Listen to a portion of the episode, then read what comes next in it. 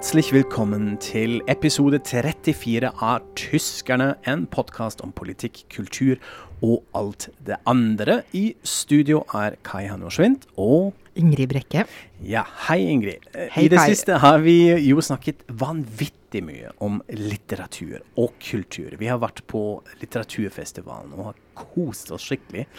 Men nå er det endelig tid for litt politikksnakk. Det har vi savnet litt òg. Kanskje særlig du, Ja, tror jeg. jeg har savna det. Så dette skal bli veldig mye politikk eh, i dag.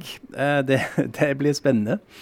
Og enda mer spennende, Ingrid må bøte for et gammelt veddemål. Uff. Mhm, Der gleder vi oss også til, spesielt jeg, tror jeg, kanskje. Men først til siste ukes store drama i Østerrike. Og for et drama det var. Hva har skjedd da, Ingrid? Jo, der har det skjedd utrolig mye, så nå gjelder det å holde tunga rett i munnen når jeg skal redegjøre for dette. Men det begynte jo da eh, 17. mai. Da kom det en eh, video mens nordmenn var ute og drakk champagne og festa. En video eh, eh, som både Der Spiegel og Syddeutsche Zeitung skrev om. Der eh, lederen for eh, FPØ, altså de østerrikske høyrepopulistene, Heinz Christian Strache, og Johan Gudenius var i en villa på Ibiza eh, i 2017, like før det som da var valget i, i Østerrike. Og denne videoen eh, tar da opp eh, seks timers eh, møte. Og Strache, som, som senere da har blitt visekansler eh, i Østerrike, sitter i dette partiet sitter i regjering, han eh, eh, tror at han snakker med niesen til en russisk oligark, en, altså en søkkrik russer som veldig gjerne vil investere masse penger i Østerrike. Og eh, der sitter han og dealer da med at eh, hvis eh, hun kan hjelpe han med å vinne valget, bl.a. ved å kjøpe opp eh, store deler av Kronen Zeitung, som er eh, tilsvarende Bilt i Østerrike, altså en Mhm. stor eh, og viktig boulevard- eller Mhm. tabloidavis. Ja. Mm. Um, og så til gjengjeld da, så kan russerne få um, byggekontrakter fra staten over, til overpris. Mm -hmm. uh, så sånn holder han på. Uh, og dette ble jo selvfølgelig kjempeskandale. og nettopp dette at de nå faktisk sitter i regjering, da, eh, i en regjering leda av eh, Sebastian Kurz, denne veldig unge, eh, veldig kjente europeiske eh, kansleren. Og ganske fort på lørdag så trakk jo eh, Strache seg, både som partileder og som visekansler. Og så var det mye fram og tilbake, men det endte jo da med at alle ministrene i eh, regjeringa fra eh, populistpartiet gikk, bortsett fra utenriksministeren Karin Kneisel, som er mest kjent i Norge kanskje, eller rundt omkring, fordi at hun inviterte Putin til bryllupet sitt, og de dansa sammen der. Men hun tviholder på på plassen sin, da. Og så blir det nyvalg i, i september. Og Kurz han ønsker å bli sittende i mindretallsregjering eh, fram til da. Men det skal jo eh, allerede på mandag så blir det mistillitsforslag i parlamentet som skal stemmes over, og ingen vet helt eh, hvordan det går. Så kanskje ryker eh, regjeringa på dette med en gang. Ja. Så dette er en stor skandale. Eh, men nå har det jo blitt fremstilt i mediet, spesielt også i, i utlandet, at dette var en sånn overraskelse, at det kom litt ut av det blå. Men det var jo ikke sant. ikke sant? Altså, det har jo vært krangling i denne koalisjonen eh, i, i årevis, egentlig.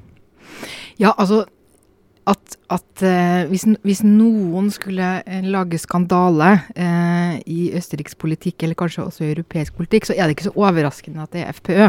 Ja. Eh, men det er likevel noe med dimensjonene over dette som er bare helt sånn hinsides. Altså at en, eh, en visekansler i et demokratisk land, altså en visestatsminister, sitter og selger Altså det er en slags form for landsforræderi. Han sitter og Mm. selger seg selv og landet sitt uh, til Russland. Det er bare så hinsides. Uh, og så har han jo forklart det litt med at uh, nei, han var full, og det var pen dame, han prøvde å gjøre inntrykk og sånn. Men det er vel ikke så veldig formildende, det. Ja, Det hjelper ikke. Nei, det hjelper jo liksom ikke. Men det er klart, har, det er som du sier, det har vært det er et slags eksperiment av Kurz som konservativ å inngå dette regjeringssamarbeidet med populistparti. Så det har jo blitt veldig sånn observert fra mange land, og ikke minst fra Tyskland. Er det mulig å lage en sånn høyreregjering og høyre-ytre høyre-regjering på denne måten? Mm. Så det er vel kanskje også en sånn eh, lærdom nå, at eh, nei, det er kanskje ikke så det, det, er kanskje ikke så god idé. Nei, det hjelper Nei. i hvert fall ikke med det store høyrepopulistiske prosjektet eh, på tvers av Europa. Men så er jo det store spørsmålet, og dette syns jeg er jo nesten enda mer spennende. Hvem er det som står bak denne videoen? Altså, hvem har lansert dette? Hva slags teorier har man der? Ja, nei, det er jo den ehm, Det er jo mye som er veldig alvorlig med denne uh, saken, men det er også mye som er veldig morsomt. Og det er blant det som er artig, det er å følge med på disse spekulasjonene om hvem som skal stå bak. fordi at det er jo ingen som vet. Og også Spiegel og Syddeutsche som fikk eh, videoen tilsendt, og for øvrig ikke har offentliggjort hele, man har bare offentliggjort noen biter. Mm. Eh, de sier at de heller ikke vet. Uh, men uh, det fins veldig mange forslag. Og et forslag er f.eks. at det er en vestlig etterretningstjeneste som har gjort dette fordi de har vært bekymra for disse Russlands uh, forbindelsene til FPØ. Uh, så de ville ha noe de kunne bruke for å nettopp gjøre det som skjer nå, da, hvis det skulle gå for langt. Uh, en annen teori er at det kan være pensjonerte etterretningsfolk, f.eks. fra Russland, som gjør dette for å eh, tjener penger fordi pensjonen er for dårlig. Så det hadde vært forsøkt kanskje brukt som utpressing, og så har det ikke lyktes, og så bare slipper du det likevel. Fantastisk. Jeg tror det er min favoritt. Sånn sure, gamle russiske spioner. Fantastisk. Ja, for det, det alle er enige om, er at dette er jo veldig proft. da, så Det er brukt ja, ja. seks kameraer, og det er virkelig mm. sånn opplegg. Og, og, planlagt lang tid i forveien. Mm. Eh, men så er det jo eh, den teorien da som Kurz selv eh, gikk for veldig fort. Det var jo en som heter eh, Tal eh, Silberstein. Mm -hmm. Jeg håper det navnet blir riktig nå, men eh, Tal Silberstein, ja. Eh, som er en, en spinndoktor, politisk spinndoktor, som bl.a. ble brukt av sosialdemokratene i forrige valgkamp, og som er kjent for å drive med litt sånne skitne triks, da. Mm. og han er israeler, og og eh, da eh, Kurt sa dette, så er det jo mange østerrikske medier som har også påpekt at, det, at han gjorde det er en sånn også litt antisemittisk ting i det mm. å trekke fram denne jødiske, litt sånn konspirative tanken om at han sitter der og trekker i trådene um, ja. utenfra. Så da fikk vi også inn det elementet. Så det er litt sånn konspirasjonsteori om en konspirasjonsteori. Det er litt sånn ja, det bare det. eskalerer fullstendig. Men så er det jo noen teorier som peker inn en helt annen retning. Hva, hva var dette? Jo, altså så har vi jo det som peker eh, mot Tyskland, da. Ja. Eh, dette som er sånn mer kunstner, eh, kunstnere. Eh, altså det som heter Sentrum for politiske, politische skjønnhet. Som jeg er veldig begeistra for og interessert i hva de, de, de, har gjort. Altså så utrolig mange flotte stunt opp igjennom. Og blant annet har de eh, bygd en kopi av dette holocaustminnesmerket i Berlin i hagen til Nei, i, på nabotomta til AFD-politiker Bjørn Høkke, som er en av de ekstreme i i AFD som en slags påminnelse eller straff, fordi ja. han kalte det et skammens minnesmerke. Og nå må ja. han altså se på det hver dag fra huset sitt. Så noen tenker at dette er typisk i deres ånd, det er noe de kunne ha gjort. Eh, de har benekta det, men eh, det gjør jo alle, så ja. Men så er det jo enda en eh, gammel favoritt her da, Kai? Ja, absolutt. Han kom inn i bildet ganske fort. En, eh, en venn av oss som vi er veldig stolt av. Eller stolt av, bare snakker om uh, han veldig mye. Jan Bøhmemann, tysk satiriker som de fleste kanskje kjenner her i Norge, også fordi han havner i en liten disputt med Recep Erdogan, statspresident i Tyrkia, fordi han har fornærmet han på, på TV med en sånn eh, fornærmelsesdikt som han da blir tatt til retten av, eller for, eh, av Erdogan. Og den saken pågår fortsatt, så da har han fått veldig mye oppmerksomhet. Så han er veldig vant til eh, den storpolitikken på den måten. Men nå er han også blandet inn i den saken, fordi det skjedde noe veldig merkelig på en prisutdeling en måned siden, i april, i Østerrike, hvor Jan Bøhmermann fikk en pris i sin takketale, som var spilt inn via video, så sa han ja, jeg har ikke muligheten å delta personlig fordi jeg henger på Ibiza, på en villa, og er full uh, med alkohol og kokain og Red Bull, uh, og tenker på noe helt annet. Så han visste om denne videoen lenge før den ble lansert, og det kommer jo frem nå. Og nå er det mange spekulasjoner. Kan det være Bøhmermann og hans redaksjon og TV-showet hans som står bak dette? Fordi de har vært med i lignende i anførselstegn stunt før. De har, en, de har lurt uh, Janis Varoufakis en gang, den uh, daværende greske finansministeren, med en sånn uh, hvor han viser fingeren til kamera, som viste seg til å være fake fordi de hadde fabrikkert dette. Så de har, de har, gjort sånne ting. Man mm. kunne ha tenkt seg det, men jeg tror ikke helt. Han skal antageligvis avsløre dette på onsdag kveld, denne dagen i dag hvor vi spiller dette inn her. Uh, så får vi kanskje vite litt mer, men jeg tror egentlig at han bare har litt sånn Kanskje fått vite om det. At det kanskje peker mot at dette er muligens sentrum for politisk skjønnhet, eller kunstnere som har blandet inn, som har kanskje lika en del informasjon. Ja, eller at han har venner i The Spiegel, eller hvem vet, kan altså. Det, det ja. kan jo hende. Ja. Uh, ja, det er vanskelig, vanskelig å si. Men, men, ZDF har jo vært, altså TV-kanalen hvor han har sine show, har jo vært ute og sagt at, uh, at han har ikke uh, Det ikke er han. og hans manager har også benekta ja. at Bøhmermann har fått tilbudt denne videoen. For det var jo spekulasjonen først, da, at ja. han hadde fått en tilbudt og sagt nei. Okay. Ja. Men uansett så er det jo mange som fryder seg veldig over at Strache dermed visste eh, i tre uker før det kom, at det snart kommer, og ja. har hatt det ekstra grusomt. da. Så, Absolutt. Ja. Og det er jo veldig interessant. altså Jeg som medieviter er jo veldig interessert også i den debatten som vi begynner å ha i Tyskland nå. Og er det egentlig greit at uh, journalister uh, bruker en sånn video Uh, i avsløringen som de ikke helt vet uh, hvor den kommer fra. Ikke, ikke, helt, De vet ikke hvor den kommer fra, og er det et sånn etisk ansvarlig journalistikk uh, å gjøre det på den måten? og hva slags klima har vi egentlig? Altså, er vi så fullstendig basert på mistillit nå at politikere ikke stoler på medier, og medier ikke stoler på politikere lenger? Så det er jo en, en interessant sånn ja, metadiskusjon av det. Ja, og så er det mm. klart at det er jo det er jo noe ubehagelig ved at noen tar opp en video som kompromitterer en, en, eh, politiker på så høyt nivå, og så venter man to år, og så dumper ja. man det i en valgkamp. Altså mm. det, det, hadde vært ganske annerledes hvis den hadde blitt kjent med en gang.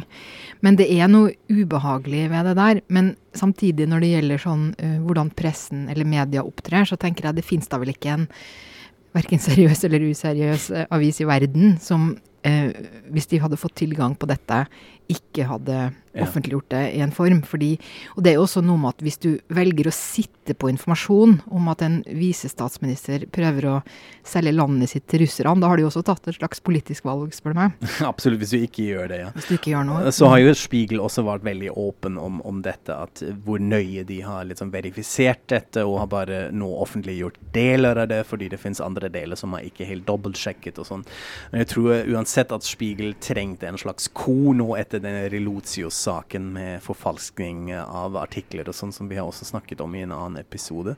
Så ja, man har gjort det, og samtidig er det jo også viktig at man ikke går med i den samme argumentasjonen som Strache selv, som fremstiller seg som en slags offer. Den ja. egentlige skandalen her, at de ble brukt et sånn hemmelig videoopptak ja, mot meg. Ja, og jeg var jo full og, ja, ja, og skulle, ja, Sånn nei, er det. Så uh, ja, da, det er veldig tydelig her hvem som har gjort noe galt, vil jeg si. Men det blir jo uansett spennende å følge med hvem som står bak det. Kommer ja, det blir fryktelig spennende. Hvis vi får vite det noen gang. Ja, mm. hvis vi får vite det. Og så er det jo selvfølgelig veldig spennende å se om dette kommer til å påvirke EU-valget, som nå skal skje på søndag, som vi er fryktelig spent eh, til. Hva tror du? Kommer det til å ha en effekt, denne saken her? Ja, nei, det er ikke så veldig stor, tror jeg. Um, det blir jo mest spennende å se om det har noen effekt i Østerrike. Og der har det kanskje Der tror jeg nok vi kan se det på oppslutninga til, til, FPØ. Men, men, det er jo også noe litt sånn jeg vet ikke om jeg skal kalle det magisk, men det er noe sånn teflonaktig ved disse populistpartiene at um, skandaler om deres egne politikere, det har ofte ikke så veldig stor effekt. Altså Deres egne velgere bryr seg ganske lite. De kaller det engangstilfeller, eller de skriver det på kontoen for ikke vet jeg, sånne, sånne liv, eller noe sånt. Så vi, så vi, får se om det har noe effekt. Og, og på europeisk nivå eh, Altså, du kan si at det, det er enda en ting som gjør at disse uh, høyrepopulistiske partiene, med nå uh, Salvini fra Italia i spissen og sånn, at denne voldsomme samlinga av fremstøt og sånn de skulle ha, det har jo ikke blitt på noe vis uh, det de hadde håpa.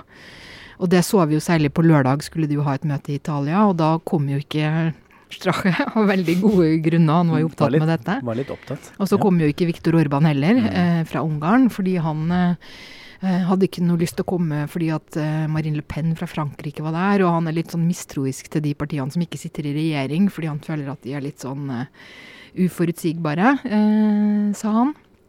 Sånn at eh, det er nok en strek i regninga, men, men folk stemmer jo også ganske nasjonalt, eh, selv om det er europavalg, så jeg vet ikke helt om det betyr så mye.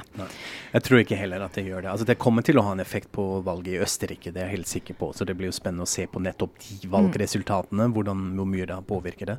Men ellers tror jeg at man ikke sånn sett bryr seg så mye, eller klarer å abstrahere uh, at dette kanskje har et litt mer strukturelt problem for disse høyrepopulistiske partiene på tvers av Europa, og at vi burde kanskje stemme ikke for dem.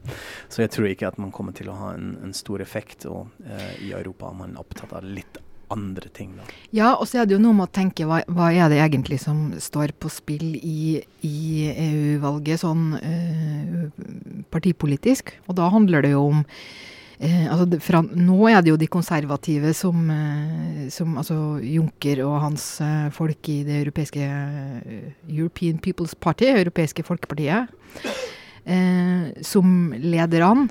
Eh, De kommer til å, Ifølge målingene så kommer de til å bli mindre, og også sosialdemokratene blir mindre. Og populistpartiene blir kanskje litt større, men det gjør også de liberale og, og de grønne. Og så skal de prøve å starte en slags eh, Eller, få en enighet om hvem som skal styre, da, på bakgrunn av det.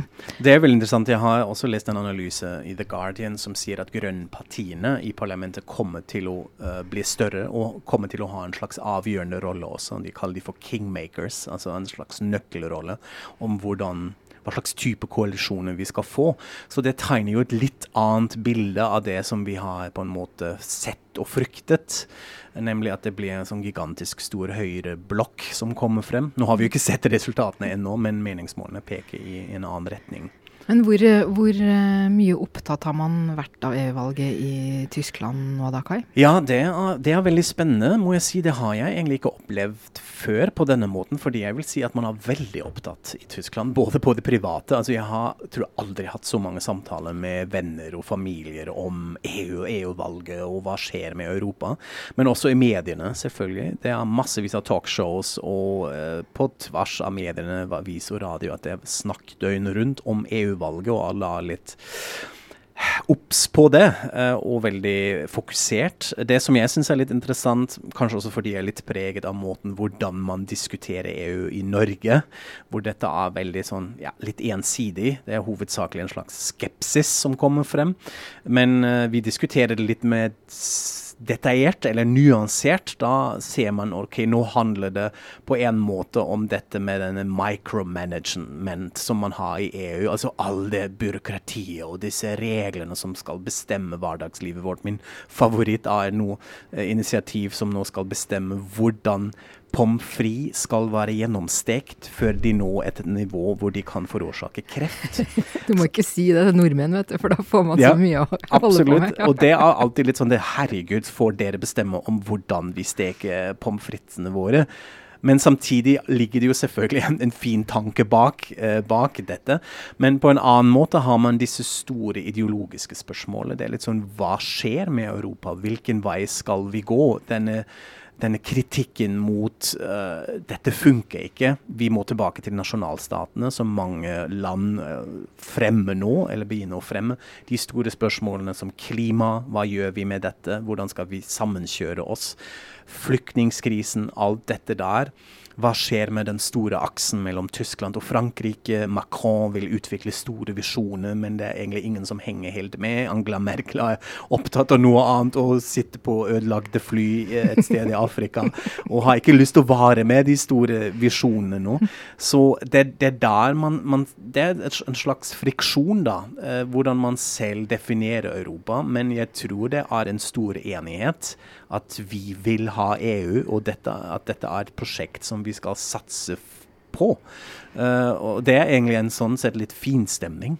Ja, og så Jeg leste også en interessant analyse om at uh, dette er på en måte det første ordentlige EU-valget, eller europavalget, på den måten at disse store spørsmålene diskuteres i mange land, sånn at man før valget faktisk snakker om det samme, i hvert fall i store deler av Europa, og ikke bare har disse nasjonale vinklingene. Da.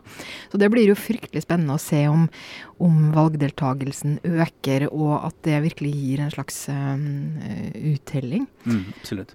Apropos valgdeltagelsen. Eh, har du stemt da, Kai? Jeg har stemt. Jeg har gjort et brevvalg og har kost meg med denne gigantiske seddelen som man får. Det er 40 partier som man kan velge mellom. Jeg har tatt et bilde av meg og denne seddelen som vi skal legge ut på Facebook. Så kan man se hvordan det ser ut. Uh, men jeg har stemt, uh, og det må jeg også innrømme her. Det er første gang jeg stemmer på det EU-valg. Er det det? Ja, jeg har ikke gjort det før. Av ulike grunner, men det viser kanskje også litt man, hvor engasjert man er. At jeg nå også tenkte herregud, nå gjelder det. Ja, nå kanskje du er en trend nå, da. En ny trend. Absolutt, ja. det får vi håpe. Så det blir veldig spennende å se eh, hvordan utfallet blir på, på søndag. Eh, kveld vet vi mer, og det er sikkert ikke siste gang eh, at vi har snakket om dette her. Men nå må vi gå videre til noe helt annet, noe som vi har teaset i åpningen allerede. Nemlig at du må bøte for et gammelt veddemål. Uff. Og det er jo nesten litt flaut, fordi vi har glemt det selv. Dette var en trofast lytter som har gjort oss oppmerksom på det. Uh, I episode 20, da har dere diskutert koalisjonen, den nydannede koalisjonen i Tyskland. Og dere har sagt, eller Ingrid har sagt dette kommer ikke til å holde. De kommer til å ryke før påske. Og Kai sa nei, nei, nei, de klarer seg hele veien til neste valget. Og så har vi inngått et veddemål. Uh, og innsatsen var, hvis man kan si innsats på norsk, det vet jeg faktisk ikke, vett in, Jo, vettinnsats, ja, vet innsats er fint. var den som taper må lese et dikt som den andre skal velge ut. Altså da selvfølgelig ikke på sitt morsmål, men på den andre. Og denne gleden har nå jeg hatt. Jeg har lette litt og fant et kjempefint, veldig, veldig veldig kjent dikt, tysk dikt av Rainer Maria Rilke, nemlig det Panther. Panteren, som beskriver et dyr i et byr, men sier kanskje mye mer om menneskeheten og deres blikk på verden. Så den kan du Nå er det veldig alvorlig ansikt her fra min podkastpartner. Ja. Men dette klarer du. Det er tre strofer, den er ikke så lenge. Eh, vær så god, Ingrid og det Panther. Sein Blick ist vom Vorübergehen der Stäbe so müd geworden, dass er nichts mehr hält. Ihm ist, als ob es tausend Stäbe gäbe und hinter tausend Stäben keine Welt. Der weiche Gang geschmeidig starker Schritte, der sich im allerkleinsten Kreise dreht, ist wie ein Tanz von Kraft um eine Mitte, in der betäubt ein großer Wille steht. Nur manchmal schiebt der Vorhang der Pupille sich lautlos, lautlos auf, dann geht ein Bild hinein, geht durch der Glieder angespannte Stille und hört im Herzen auf zu sein. Jeg smelter. Herregud. Fantastisk! Det var i hvert fall veldig fortjent, fordi er det noe jeg burde ha lært etter alle de årene jeg har fulgt tysk politikk, så er det at regjeringa sprekker aldri, og Merkel går aldri. Ikke sant? Og det har vært så mange bølger, og hver gang har jeg klart å tviholde på dette. At nei da, Merkel går ikke. Men så falt jeg for fristelsen denne Nå gangen, det, og så blir du straffet. og det gikk sånn. Men det var jo en, eh, en fin straff for oss, fordi nå fikk vi denne gleden. Jeg vil ha en lydbok. Ingrid Brekke leser tyske dikt. 13 timer. Jeg kjøper den. Fantastisk.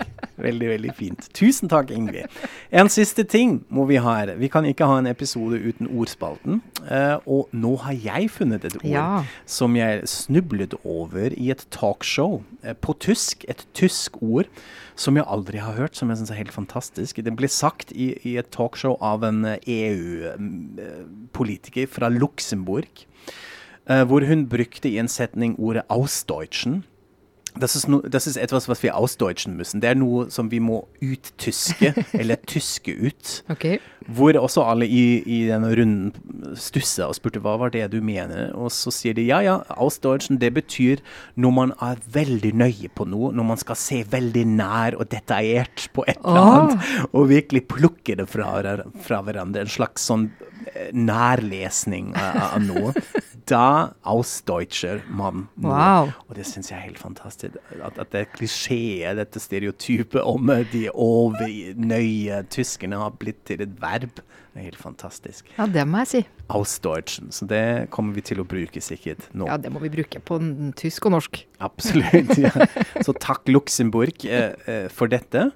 Ja, da skal vi ausdeutschen, austyskere, uttyskere denne epi episoden. Avrunde den. Eh, sier eh, takk for oss. Dere må absolutt eh, ta en tur og se på Facebook-siden vår. Eh, like oss, se hva vi gjør der. Og så er vi jo nå på Spotify. Alle episoder finnes der, kommer til å bli lagt ut der. Så uh, anbefal det til venner og kollegaer som bare hører på Spotify. Ingen unnskyldning, nå finnes vi der også. Så er vi uh, straks tilbake og sier uh, tusen takk und auf Wiederhören. Auf Wiederhören.